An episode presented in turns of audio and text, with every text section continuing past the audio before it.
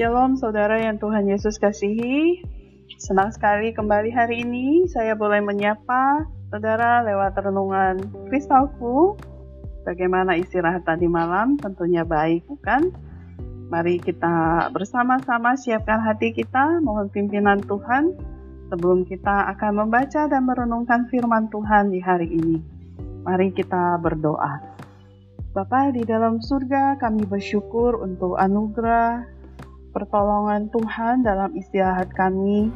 Terima kasih sepanjang kawal malam Engkau sudah menyertai. Pagi ini kami boleh bangun dengan tubuh yang segar, dengan kekuatan yang baru yang Tuhan sudah pulihkan. Kami bersyukur dan hari ini kami sudah siap ya Tuhan untuk bersama-sama datang kepada Tuhan hati yang siap untuk dibentuk oleh Tuhan melalui kebenaran firman-Mu dan dikuatkan oleh Tuhan untuk menjalani hari ini. Kami berdoa Tuhan berbicaralah kepada setiap kami pribadi lepas pribadi karena kami sudah siap mendengarkan. Demi nama Tuhan Yesus kami sudah berdoa. Amin. Pembacaan firman Tuhan pada hari ini dari Kolose pasal 3 ayat yang kelima hingga ayatnya yang ke-17 dengan judul perikop manusia baru. Karena itu, matikanlah dalam dirimu segala sesuatu yang duniawi, yaitu percabulan, kenajisan, hawa nafsu, nafsu jahat, dan juga keselakahan, yang sama dengan penyembahan berhala, semuanya itu mendatangkan murka Allah atas orang-orang durhaka. Dahulu kamu juga melakukan hal-hal itu ketika kamu hidup di dalamnya. Tetapi sekarang buanglah semuanya itu, yaitu marah, geram, kejahatan, fitnah, dan kata-kata kotor yang keluar dari mulutmu. Jangan lagi kamu saling mendustai, karena kamu telah menanggalkan manusia lama serta kelakuannya, dan telah mengenakan manusia baru yang terus-menerus diperbaharui untuk memperoleh pengetahuan yang benar menurut gambar kaliknya. Dalam hal ini, tiada lagi orang Yunani atau orang Yahudi, orang bersunat atau orang tak bersunat, orang barbar atau orang skit, budak atau orang merdeka. Tetapi Kristus adalah semua dan di dalam segala sesuatu. Karena itu, sebagai orang-orang pilihan Allah yang dikuduskan dan dikasihinya, kenakanlah belas kasihan, kemurahan, kerendahan hati, kelemah lembutan, dan kesabaran.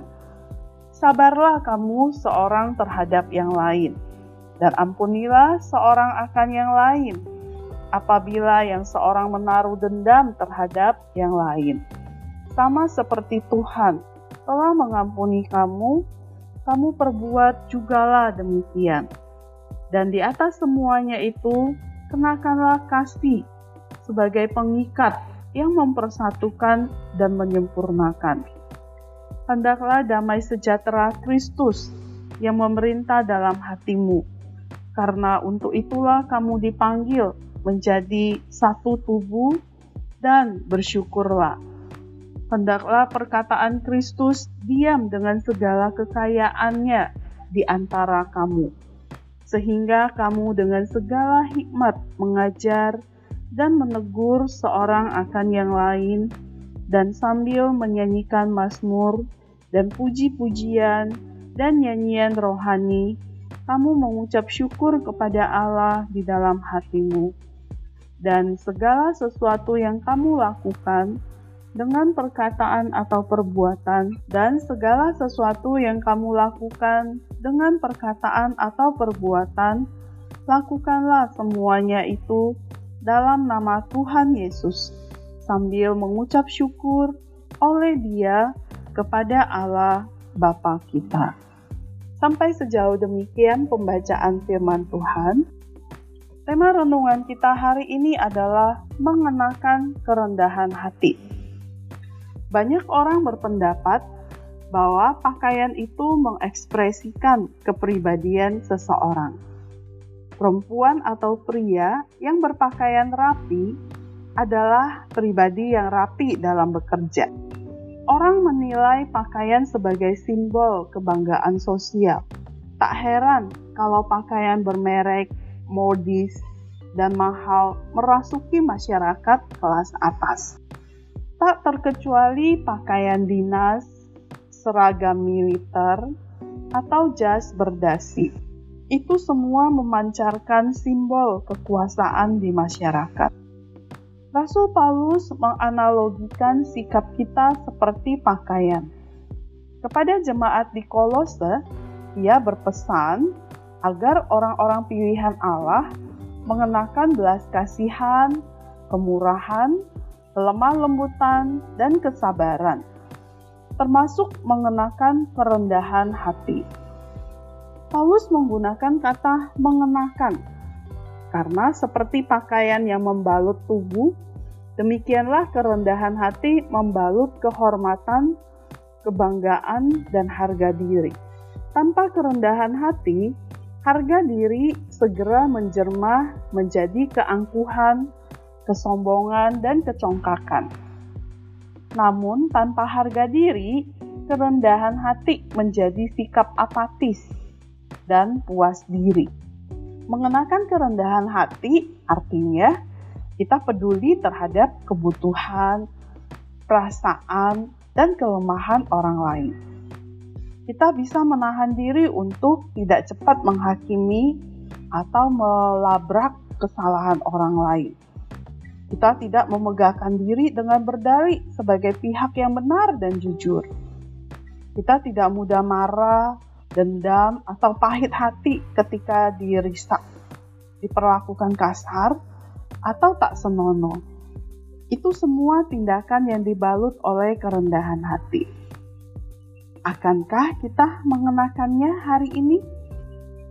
Saudara, setiap hari mendekatkan diri kepada Tuhan adalah cara terbaik untuk mencapai kerendahan hati.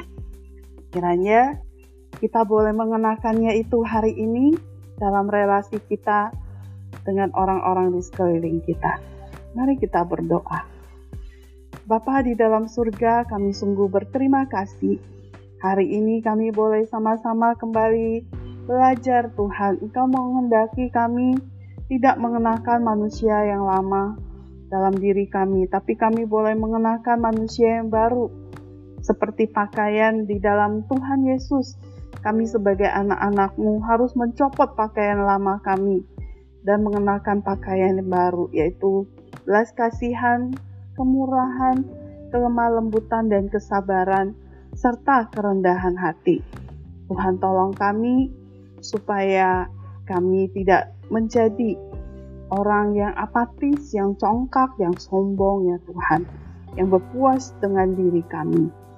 Kami berdoa ya Tuhan kiranya Engkau menolong kami supaya dalam relasi kami dengan sesama kami, bahkan dengan orang-orang yang uh, sulit, kami tidak menghadapi dengan kemarahan, dengan dendam atau pahit hati.